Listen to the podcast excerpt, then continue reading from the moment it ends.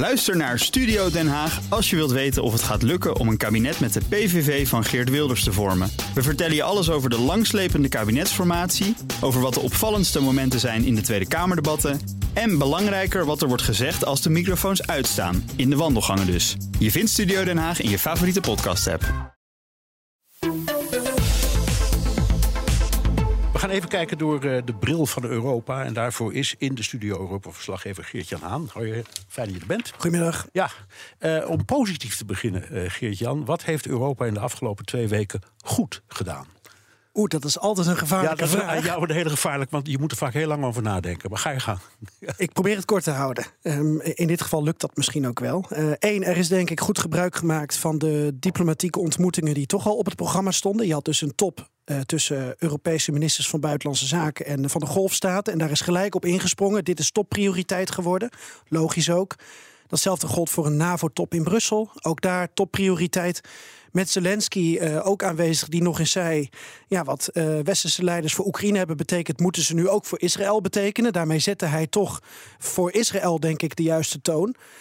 En een ander ehm, punt dat ik wil maken is dat je, denk ik, onderscheid moet maken tussen Europese leiders en ehm, ja, de, de, de drie buitenlandkapiteins van de Europese Unie. En als je kijkt naar de Europese leiders, die hebben nu in deze tweede week een soort modus operandi gevonden die, die met elkaar overeenkomt. Ik probeer het even met, met een Duits woord eh, uit te leggen. Je hebt zoiets als eh, staatsraison. En dat is dus het, het idee vanuit Duitsland dat wat in de Tweede Wereldoorlog is gebeurd, nooit meer mag gebeuren met Israël, met de Joden. En eh, dat Duitsland zich dus eigenlijk onvoorwaardelijk voor Israël wil inzetten. Nu is er natuurlijk wel een discussie op gang gekomen over ehm, proportionaliteit. Ja, die, Richting- die is er altijd meteen. Want ja, het- in, in, in- ik zeg altijd, Gaza is een eh, telefooncel met 7 miljoen mensen, of 2 miljoen mensen erin. Dus probeer maar die ene vent dood te schieten en de rest niet. Ja. Het, het lukt niet. En vo- volgens mij is de modus operandi vanuit de Europese leiders met wat ze zeggen nu dat eh, ze begrijpen en achter eh Netanyahu staan als het gaat om het onthoofden van Hamas, zoals hij dat heeft omschreven. Maar dat er een mate van proportionaliteit, noem ik maar even, moet zijn richting Gazanen en eh, gewone burgers, gewone Palestijnen. En dat is een ongelooflijk lastige discussie. Eh, maar ik heb het idee dat als je kijkt ook naar het bezoek van Biden en Scholz aan Tel Aviv en nu Sunak. Eh, en de telefoontjes van Macron, dat dat een beetje de lijn geworden is. Maar goed, dat was natuurlijk heel erg zoeken voor alles en iedereen. Ja. Eh, wat ging er niet goed? Makkelijker vraag. Het is ook heel moeilijk om het in één keer goed te doen. Omdat je. eh, kijk, alleen al in Nederland hebben we een coalitie met vier partijen.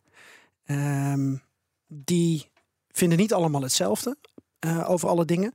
Dan heb je in Europa 27 landen met verschillende opvattingen, met verschillende relaties met Israël, ehm, met ehm, de Arabische wereld, verschillende historie. Eh, verschillende populaties. Dat speelt allemaal mee. Ehm, maar ik denk dat ik dan toch eh, aanhaak bij Ursula von der Leyen, Charles Michel en uh, Jozef Borrell. Of misschien beter gezegd afhaak. Uh, Jozef Borrell, uh, die ik op zich hoog heb zitten vanwege zijn, zijn diplomatieke kennis. Die altijd al heel snel over, ja, de enige oplossing is een twee-staten oplossing. Ursula von der Leyen daarentegen ging op eigen houtje naar Tel Aviv. En sprak daar, volgens sommige commentatoren, kritiekloze steun uit voor Israël.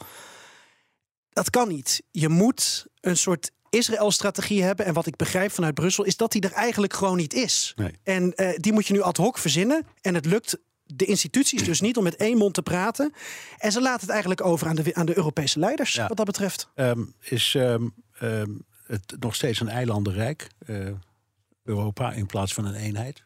Ja, op deze manier wel, denk ik. En dat komt ook omdat je nog, uh, hebben jullie vast meegekregen, een eurocommissaris, uh, een Hongaarse eurocommissaris, een vriend van Orbán, die al heel snel zei: oh ja. alle humanitaire hulp aan Gaza, alle projecten, uh, al het geld dat daar naartoe gaat, zetten we per direct stop. Los van wat je daarvan vindt, had hij niet overlegd met iemand anders binnen het college van eurocommissarissen. En er gingen een aantal tweets uit. En iedereen in de media en de politiek denkt dan natuurlijk: wat is er aan de hand? Ja. Dus er zijn te veel voorbeelden, met name vanuit de instituties, dat het daar niet goed is gegaan. Europese leiders aan zich, denk ik, dat ze nu een aardige modus operandi hebben. Mag ik een hele korte opmerking ja, zeker. over maken? Kijk, uh, uh, Ursula von der Leyen duidelijk. Borrell trok meteen weer eh, een andere kant op. En ik, als ik kijk naar de landen, die 27, 28 landen, dan is voor mij duidelijk, as usual, je hebt een aantal landen die veel meer de Israëlische lijn volgen. Duitsland, Nederland ook toch wel. Tsjechië is ook zo'n land. En daartegenover, merkwaardig genoeg, allemaal door historie ook, en soms door belangen. Bijvoorbeeld Spanje. En ook zo'n land als Ierland, hè, dat altijd heel erg anti-Israël is, eh, wat dan weer wordt terugverwezen. Krijgen we weer de Palestijnen naar de, de samenwerking tussen de IRA destijds in Ierland en de PLO. Dus die spanningen zitten er lijnrecht in. En ik herinner me ook van mijn eigen ervaringen toen als minister van Buitenlandse Zaken, dat je dat gewoon ook altijd terugkreeg aan die ronde tafel. Ik was dan wel benieuwd, meneer Roosendaal, want we, spraken u ook ehm, nadat de Russische oorlog in Oekraïne uh, begon. 24 februari 2022. En een paar dagen daarna um, ja, was u hier op BNR. En er waren heel veel mensen die natuurlijk gingen reageren op wat er toen gebeurde in Europa. En ik, ik was benieuwd. Ik, ik hoorde u. Um, Vorige week uh, zat u aan tafel uh, op tv en zei u: er is op dit moment geen ruimte voor ja maar. Ja. En ik ben benieuwd, geldt dat ook voor andere uh, momenten als er sprake is van terreur, annexatie, invasie? Um, dus Rusland valt Oekraïne binnen of Azerbeidzjan doet aan etnische zuivering in Nagorno-Karabakh. Zijn dat dezelfde ja-maar-regels? Dat vind ik een ongelooflijk moeilijke vraag. Daar mag u het antwoord geven. En ik terecht, terecht. Kijk, en dat zit ook bij mij voortdurend in dat verhaal over de proportionaliteit. Voor je het weet kom je terecht in wat wel wordt genoemd de, de, de valse morele equivalentie. De valse morele gelijkwaardigheid tussen allerlei kwaden. Terwijl we het bij terreur altijd hebben over. Uh, terreur is het absolute kwaad. En alles wat je daar dan tegen inzet, is ook, kan kwalijk zijn, maar is de lesser evil. Zoals een Canadese, beroemde Canadees uh, uh, Ignatjev heeft gezegd. En waar ik dus mee zit bij die disproportionaliteit of proportionaliteit, is de afschuwelijke uh, excessieve terreur die er is uitgeoefend bij die slachting van uh, Hamas. Dat gaat alle perken gaat het te buiten. En ik ben het dan. Natuurlijk moet ook Israël bijvoorbeeld zich houden aan de beginselen van internationaal recht. Maar uh, voor je het weet, kom je terecht in het verhaal van wat er zich heeft afgespeeld op, zeven, op, uh, op die Zwarte Zaterdag. Is absolute terreur is verschrikkelijk. En voor je het weet gaan we zeggen, maar, en dan komt er heel wat. En opvallend vond ik dat een van de ministers van Duitsland letterlijk ook gisteren heeft gezegd: Ik ben niet van het ja, maar. Habeck was dat volgens ja, mij. Habeck. Ja. Een hele indrukwekkende video die hij online heeft gezet van vier minuten ongeveer. En ik vroeg dit omdat uh, toen Rusland de oorlog in Oekraïne begon, waren er ook mensen die zeiden: ja, maar we hebben Rusland zelf uitgedaagd met die NAVO-grens opschuiven. Dus daar hoorde je ook een soort ja, maar. Daar geldt hetzelfde. Als je als land, en hier is het geen oorlog tussen staten en tussen landen, maar een oorlog van een land tegenover een terreurorganisatie.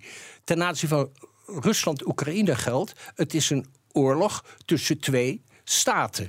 En dan vind ik ook dat als de ene staat de andere staat binnentrekt met grof geweld, enzovoort, enzovoort, en daar burgerslachtoffers maakt, enzovoort, enzovoort, dan is daar ook geen ja maar mogelijk. Ik ben dus ook helemaal niet van degene die voor de Rusland-Oekraïne-conflict teruggaan naar 2008, 2007, 2008, toen de NAVO domme dingen heeft gedaan.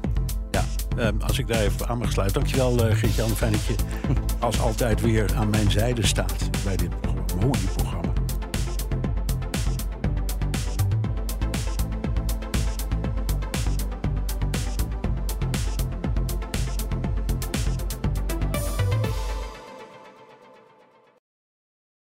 Ook Thomas van Zeil vind je in de BNR-app. Je kunt live naar mij luisteren in Zaken doen. De BNR-app met breaking news, het laatste zakelijke nieuws... en je vindt er alle BNR-podcasts, bijvoorbeeld Het Nieuwe Geld. Download nu de gratis BNR-app en blijf scherp.